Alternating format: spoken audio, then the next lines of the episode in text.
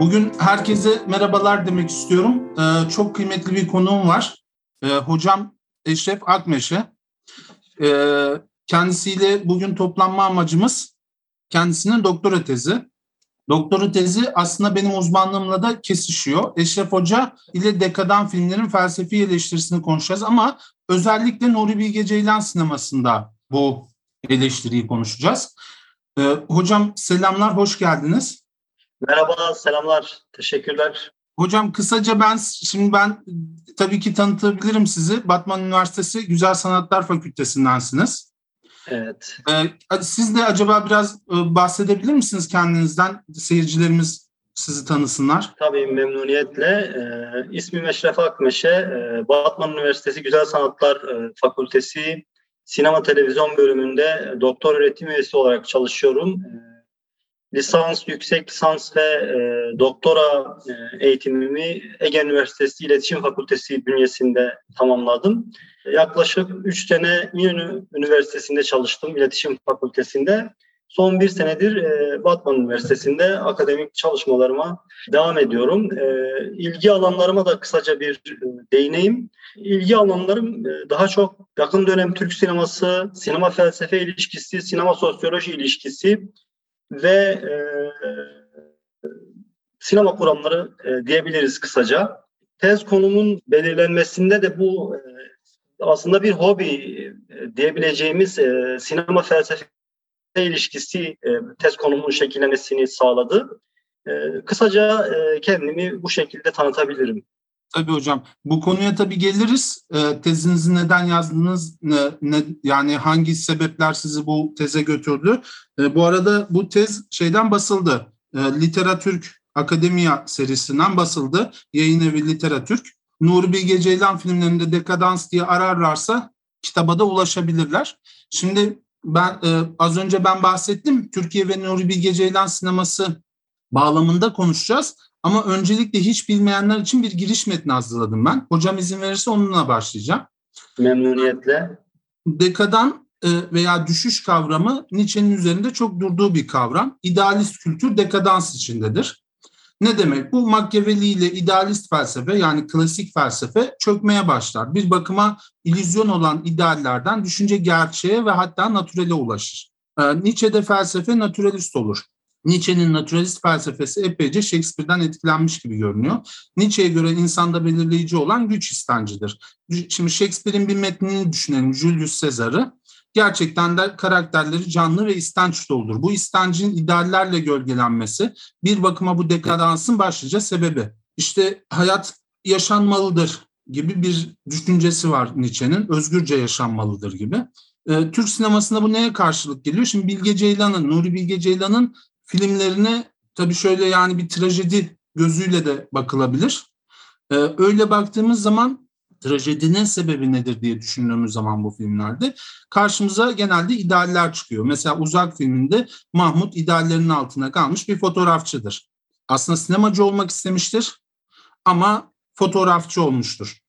Ee, bir bakıma Mahmut dekadans insanıdır denilebilir. İdealist kültür çökmektedir bir karşılaştırma da yapalım. Jules Caesar'da tragedyanın sebebi gücün istenciyken Nuri Bilge Ceylan'da idealleri yerine getirememek, e, hayatta kendini gerçekleştirememek, kötülüğün başlıca sebepleri olabilir. Şimdi orada e, tabii Jules Caesar'dan bahsedince Shakespeare'den esas karakterlerin tarihsel kişilik haline gelmeleri e, üzerine de konuştuk daha önce programlarda. E, Jules Caesar'da Brutus, Marcus, Ori, Marcus Antonius ve Jules Caesar aslında kendilerini gerçekleştirirler. E, tarih sahnesine çıkarlar, tarihsel kişi olurlar. Bunu nasıl yaparlar? Güç istenciyle yaparlar, iktidar istenciyle yaparlar. Fakat trajik sonlarını da kendileri gerçekleştirmiş oldular. Nietzsche'de trajik insan için trajedi aslında kaçınılmazdır. E, bu biraz tabii şeyle de ilgili. Nietzsche'nin 19. yüzyıl kent hayatını deneyimlemesiyle de ilgili e, Schopenhauer felsefesinin trajik oluşuyla, trajikomik oluşuyla ilgili. E, tabii Shakespeare bir Rönesans adamı ve o çağda yaz, yazdığı kişiler daha çok soylular, krallar veya askerler gibi, diplomatlar gibi insanlar ve Shakespeare e, bunları yazdığında onların tek özgür sınıf olduğunu ve halkın da özgür olmadığını söyler. Schopenhauer'a geldiğimizde insan yani kent hayatındaki işte kapitalizmin yeni ortaya çıkmasıyla birlikte sıradan insanın da hayatı ilgi çeker olur. Ve Schopenhauer aslında komik bulur insanı, trajik komik bulur daha doğrusu. Yani Schopenhauer'de gülünç olan trajik bir şeydir. Nietzsche'nin işte trajik insanın kaderinden kaçamayacağı, trajedinin yaşanacağını söyler. İstenç kötücüldür, kendini yok edicidir, self-destructive'dir. Fakat Nietzsche'nin savunduğu tam da bu, ol, bu olsa gerek. En güç en güçlü ıstıraba bile, acıya bile dayanabilecek olan insan yani trajik insan yani özgür insandan bahseder. Şimdi ben biraz Nietzsche'den bahsettim, Shakespeare'den bahsettim, dekadan kavramından bahsettim. Ben tabii Eşref Hoca'ya tekrar dönmek istiyorum. Hocam şimdi bu tezi e, neden yazdığınız gibi doğrudan bir cümle sorayım. Neden bu konu bu kadar ilginizi çekti? Çok teşekkürler. Güzel bir giriş oldu. E, bu tezi e, seçmemin nedenlerinden e, ilki sinema çalışma alanımdı ve bu yönetmenleri de e, merakla inceliyordum. Çünkü iletişim fakültesi bünyesinde okuyan her öğrenci aşağı yukarı bu yönetmenlerle tanışır, e, biraz e, bunları merak eder ve e, aslında neler yaptıklarını, neden e, başarılı olduklarını, neden akademik e, yazında bu kadar ilgi çektiklerini düşünür. Benim de böyle bir arayışım söz konusuydu. Tez konusu belirleme sürecinde aslında başka konular da vardı. Ama araştırma, araştırmalarım derinleştikçe bu konuya derinlemesine bu konuyu incelemem gerektiğini düşünmeye başladım. Çünkü şöyle bir durum vardı. Türkiye'de 1990'larda canlanan e, sinema sektörü içinde e, yeni Türk sineması olarak e, isimlendirilen bir e, akım e, gelişti ve e, yeni Türk sineması olarak tanımlanan akım içinde e, yer alan e, belli başlı yönetmenler vardı. İşte Zeki Demirkubuz, Nuri Bilge Ceylan, Semih Kaplanoğlu, e, Reha Erdem ve e, Tayfun Pirselimoğlu e, gibi yönetmenler vardı. Bunlar e, tırnak içinde sanat sineması diyebileceğimiz daha çok e, festivallerde e, isimlerini e, duyuran e, isimlerdi. Ve e, bunlardan işte Nuri Bilge Ceylan daha çok uluslararası e, ödüller almasıyla ön plana çıkıyordu. Ee, yine Zeki Demirkubuz da e, bir başka önemli isimdi. Bunlar benim ilgimi çekiyordu. Başlangıçta e, birkaç yönetmeni birlikte incelemeyi e, düşündüm. E, daha sonra gerek konuyu sınırlamanın gerekliliği, gerekse de aslında bunların tümünü kapsayabilecek bu ekolün adeta dinamosu, motor gücü ya da en önde bulunan ismin kim olduğunu düşün, düşünmeye başladım ve araştırmalarım sonucu Nuri Bilge Ceylan'ın söz konusu akım içinde e, tırnak içinde söylüyorum sanat sineması e, yakın dönem Türk sinemasındaki sanat sinemasının en önemli e, en dikkate değer e, isimlerin başında olduğunu düşündüm. Peki neden e, dekadans? Çünkü adını zikrettiğim yönetmenlerle ilgili birçok makale, birçok e, eleştiri ve birçok e, lisansüstü tez üretiliyordu aslında.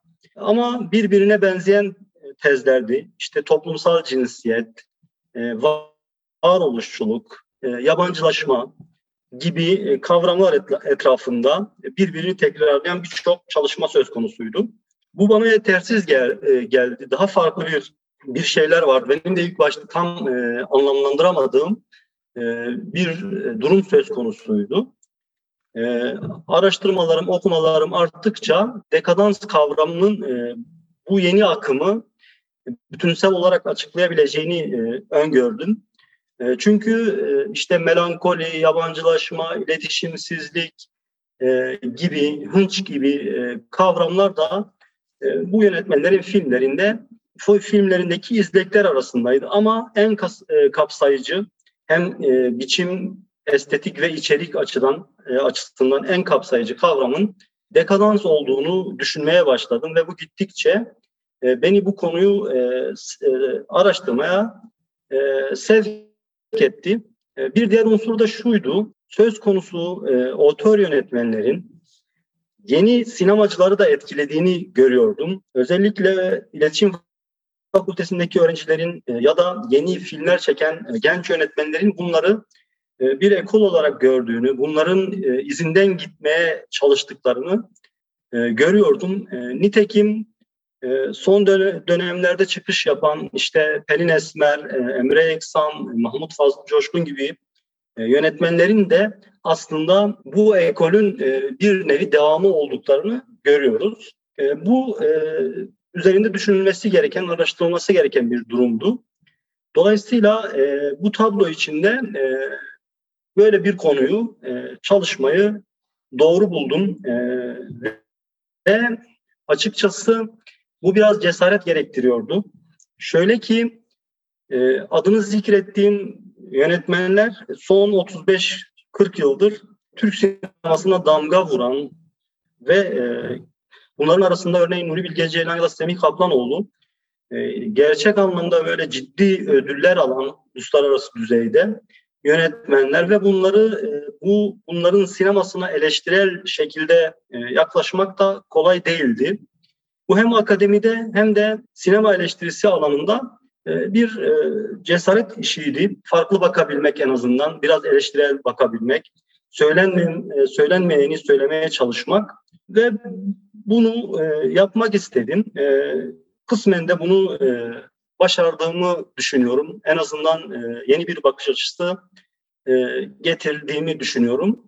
Şöyle bir durum da söz konusu. E, maalesef e, son 20-30 yılda hani sinema eleştirisi alanında e, böyle e, sinemayı ileriye taşıyabilecek e, ciddi eleştirel bir ekolün e, olmadığını e, görüyorum. E, dolayısıyla ciddi bir e, eleştiri kültürünün olmaması sinemacıların da e, bir nevi kendi yollarını kendilerinin çizmemesi, çizmesini doğuruyor. Tabii işin endüstriyel, sektörel boyutları da var. Eleştirmenler ve maalesef kimi akademisyenler me, me, mevcut konformist yapıyı bozmak istemedikleri için genelde yazılarında, eleştirilerinde ya da araştırmalarında tanıtım düzeyinde, övgü düzeyinde e, yazılar e, yazıyorlar.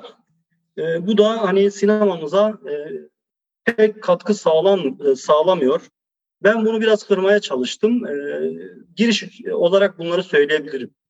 Peki, çok teşekkür ederim. Ben de aynı fikirdeyim. Gerçekten çok iyi e, kuramsal olarak e, tam oturtulmuş bir test. Şimdi şöyle başlayalım. E, dekadansın birçok tarihsel süreç içerisinde sadece Nietzsche'de değil, e, tarihsel olarak pek çok anlamı var. Yani işte sosyolojik olarak romanın çöküşüne de dekadans deniyor. Nietzsche tutup e, kendisi kuramsal olarak dekadans kavramını çalışıyor. Başka düşünürlerde de aslında bunlar söz konusu. Marx'a bakarsak dekadansa başka türlü bakacaktır. İşte e, herkesin farklı bir yaklaşım var. Size göre dekadans nedir? Bu kavramı biraz açıklayabilir miyiz? Bu aslında e, çok zor bir soru. Ben de test sürecinde en çok e, yoran, beni en çok yoran sorulardan birisi buydu. Dediğiniz gibi dekadans bayağı karmaşık bir kavram ve e, farklı teorisyenlerin farklı e, şekillerde baktığı, açıkladığı bir e, durum söz konusu. Keza e, Nietzsche ve Marksistleri e, bir arada düşündüğümüzde taban tabana zıt diyebileceğimiz iki e, görüş, iki dünya görüşü ama e, dekadans kavramı e, bu iki zıt görüşün de e, üzerinde durduğu, e, kendi teorileri içinde e, önemli rol biçtiği bir e, kavram. E, tarihsel olarak Roma Roma'daki e, sefahat ve yozlaşmanın e, açıklanmasına kadar gidiyor. E, Lale dışında, da bir dekadans dönemi. Tam olarak sesinizi alamadım. Ee, bizde Lale Devri var. O da bir dekadans dönemi. Kesinlikle Lale Devri'ni de o bağlamda değerlendirebiliriz. Hani işin e, sadece sefahat ve eğlence boyutunun e, boyutunun ön plana çıkması anlamında. E, bu kavram belli dönemlerde çok popüler olmuş. Ona çalışmada yer ayırdım. özellikle Marksistlerin bir dönem bu kavramı çok kullandığını görüyoruz ve Marksist teoriyle e, uyuşmayan neredeyse, neredeyse her türlü sanat etkinliğini e, dekadan olmakla itham etmişler. Nietzsche de bu e, kavramı e, felsefesinin aslında temel uğraşı, temel sorun olarak koymuş. Ama iki farklı dünya görüşünün e, aynı kavramı kullanması biraz e, problemler yaratmış. Marksizm e, politik olarak yenildikten sonra bu kavram biraz tedavülden düşüyor. Diğer taraftan da Nietzsche daha çok işte e, nihilizm, e, güç istenci, e, bengi dönüş, e, amor perspektivizm gibi kavramlarla e, anılıyor. Oysa uğraştığı temel mesele kendisinin de hani açıkladığı gibi aslında dekadans, e, insandaki bu e, çöküş, çürüme, yozlaşma süreci.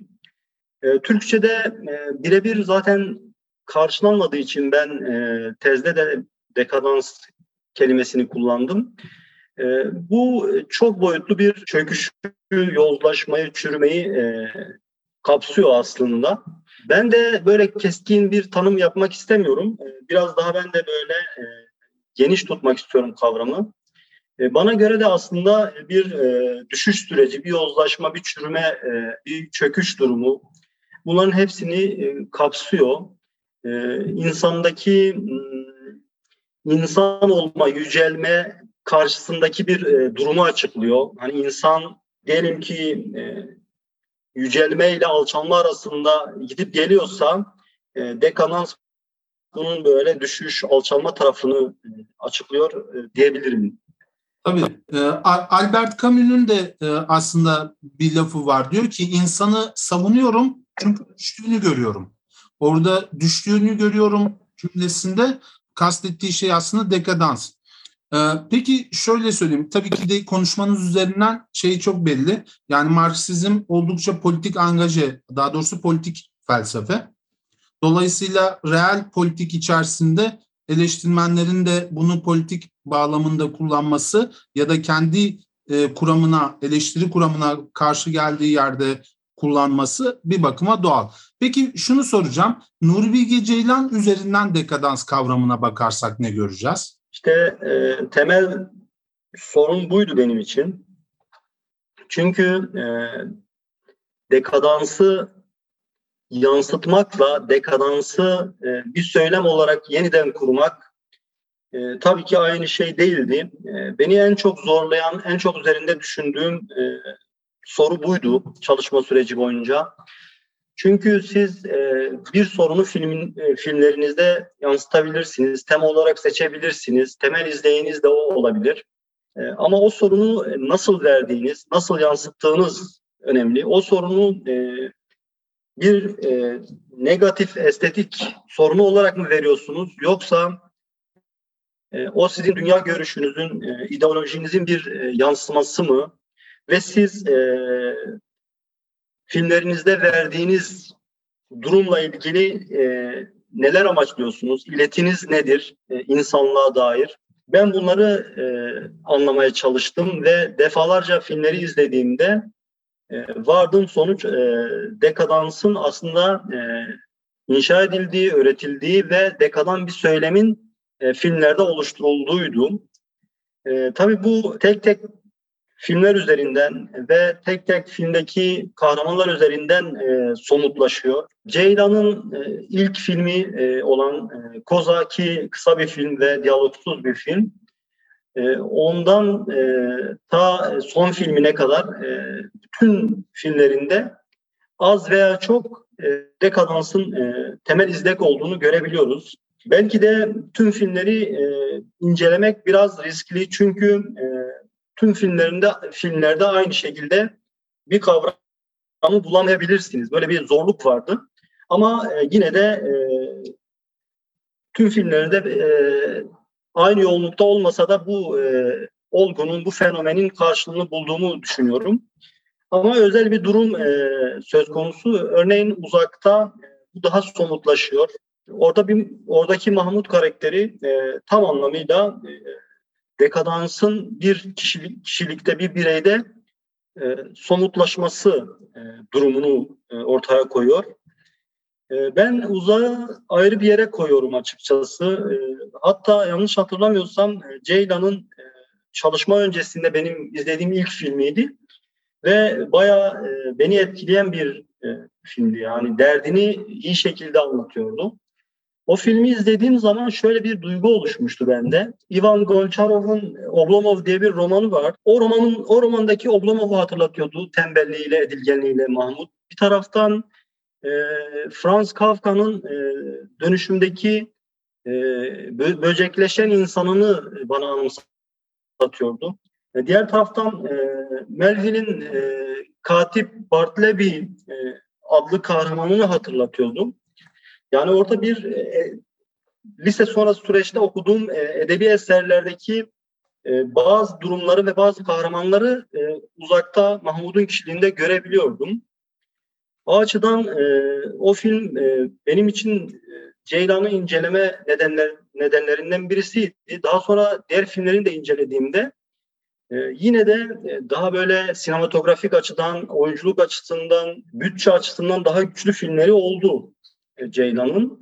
Ama o film her zaman e, benim görebildiğim kadarıyla e, Ceylan'ın e, filmleri içinde daha özgün, daha ayrı bir yerde durmayı e, sürdürüyor. Orada biraz önce değindiğim yönetmen acaba dekadansı sadece yansıtıp gösteriyor mu? Bize negatif bir durumu göstererek pozitif sonuçlar çıkarmamızı mı amaçlıyor? Çünkü bir film üretildiğinde sadece o film e, izleyiciler tarafından tüketilmekle kalmaz, e, izleyenler de yeniden üret. Yani e, bu açıdan negatif bir durumun gösterilmesi izleyen kitlelerde olumlu sonuçların doğmasını e, sağlayabilir. Eğer yönetmen e, oyuncuyla seyircinin özdeşleşmesi arasında bir e, engel, bir bariyer e, kuruyorsa bu anlaşılabilir bir şeydir. Ama uzakta görünümüyle, kişiliğiyle, eylemleriyle tamamen bir dekadan yaşam süren, yozlaşan bir karakter olan Mahmud'un aslında bir şekilde haklı çıkarıldığı, yaşamın bu olduğu, insanın istese de değişemeyeceği gibi bir sonuç çıkıyor. Biraz önce edebiyattan e, bazı e, örnekler verdim. Bazı yazarlara atıf yaptım. Diyelim ki Kafka, e, Gregor Samsa'nın böcekleşme sürecini anlatıyor. Ama e, Gregor Samsa böcekleştikten sonra Kafka onu savunmuyor. E, okur orada şöyle bir sonuç çıkarabiliyor. Artık o insan değil bir böcek ve bir böcekse ona böcek muamelesi yapılıp e, ona göre davranılmalı. Ya da e, Goncharov Oblomov karakterini estetize edip onu haklı görmemizi sağlamıyor. Oblomov'un karşısına e, Stolz diye bir karakter koyuyor ve Oblomov'u mahkum ediyor. E, Oysa ki e, Ceylan e, Mahmud'u anlamamızı sağlıyor. Yani Mahmud'u biz anladığımızda onun o edilgen kişiliğine, o güçsüzlüğüne, o yozlaşmış e, durumuna e, anlam veriyoruz ve e, insan istese de değişemez, istese de e, dekadansa karşı koyamaz gibi e, bir iletiyle karşılaşıyoruz. Bu e, işte Ceylan'ın filmlerine dekadan filmler e, dememin temel nedenlerinden birisidir. E, bunu diğer filmlere de yayabiliriz. E, Kış Uykusu'na, e, Ahlat Ağacı'na, iklimlere e, kadar götürebiliriz. Ama en belirgin olarak e, uzakta biz bunu görüyoruz ve e, ilk dönem işte Kozan Mayıs sıkıntısı ve kasabadan sonra e, öyle artık Ceylan'ın minimalist süreçten çıkıp daha böyle etkili filmler yapmaya başladığı süreçte bir kırılma olduğunu da görüyoruz ve nitekim e, ilk ciddi ödülünü de hatırladığım kadarıyla uzakla alıyor. E, bu aynı zamanda e, uluslararası e, konjektörle de ilgili bir durum. E, festivallerde alınan e, ödüller, e, böyle bir sinemanın e, dünya genelinde benimsenmesi, bu, bu postmodern e, dünyayla ilgili bir durum. Belki bu filmler bize yeni şeyler anlatmıyor. Belki bu filmlerin daha ilerini Bergman yapmıştır. E, belki e, Tarkovski e, çok daha ilerini yapmıştır. Belki günümüzde Andrei Zvyaginsev e, benzer filmler yapıyor. E, ama festival mantığı ve günümüz e, uluslararası tırnak içinde söylüyorum sanat sineması e, zihniyeti filmlerin yapılmasını teşvik ediyor. E, bu türden işte dekadan insan anlatılarının anlatılması e, sinema piyasasında da e, karşılık gördüğü için bu filmler e, tekrar tekrar e, üretiliyor. Tabii yani dışında... burada sizin müdahaleniz yani eleştirmen olarak müdahaleniz çok önemli. Yani bir yere sıkışıp kalmaması Türk sinemasının özellikle sanat sineması dediğimiz e, çünkü gerçekten e, hepsi sanat sineması tabii ki Türk sinema filmleri ama içlerinde ayrılarak gerçekten sanat eseri olarak da kalıcılaşan eserler olacaktır. Sizin eleştiriniz de burada çok önemli ama dediklerinizden birkaç not aldım ve soru da hazırladım. Burada kısaca bir müdahale etmek istiyorum konuşmanıza. Tabii ki. Ee, burada e, Mahmut üzerinden bir aydın eleştirisi mi getiriliyor? Ve şunu da sormak istiyorum. E, Mahmut bir karşı kahraman mı? Yani şimdi şöyledir. Shakespeare'in Hamlet'ini düşünecek olursak e, Hamlet babasından intikam almak için yani amcasından intikam almak için geldiğinde daha doğrusu öğrenir babasından şey baba amcasını öldür amcasının babasını öldürdüğünü ve krallığın başına geçtiğini ve e, ondan intikam almak ister ve intikam almak isterken bütün suçları, bütün günahları işleyerek bunu gerçekleştirir. Yani Hristiyanlığın çiğnenmemesi gereken, çiğnenmemesi gerektiğini söylediği bütün şeyleri çiğner. Ve bir Hamlet aslında karşı kahramandır. Özellikle kendi yaşadığı yüzyıl içerisinde. Ee, ama herkes Hamlet'i çok sever. Ee, yani karşı kahraman belki de sevilen, empati duyulan bir karşı kahraman mı yaratmak istedi? Yani bir de tabii şu var yani e, biz tabii sinema gerçeği kuruyor, yeniden kuruyor ama olabildiğince de gerçeği yansıtmaya da çalışıyor. Mesela Nuri Bilge Ceylan, Zevki Demirkubuz gibi yönetmenlerde. Yani soruyu iç içe sordum ama biraz da uzattım. Ee, ama şuraya bağlayacağım. Realist sinema, biz daha önce buna da değindik belli bir dünya görüşünü aktardığı için aslında ideolojiktir. Burada aslında e, Türk dekadan yönetmenlerin dünya görüşünü mü seyrediyoruz?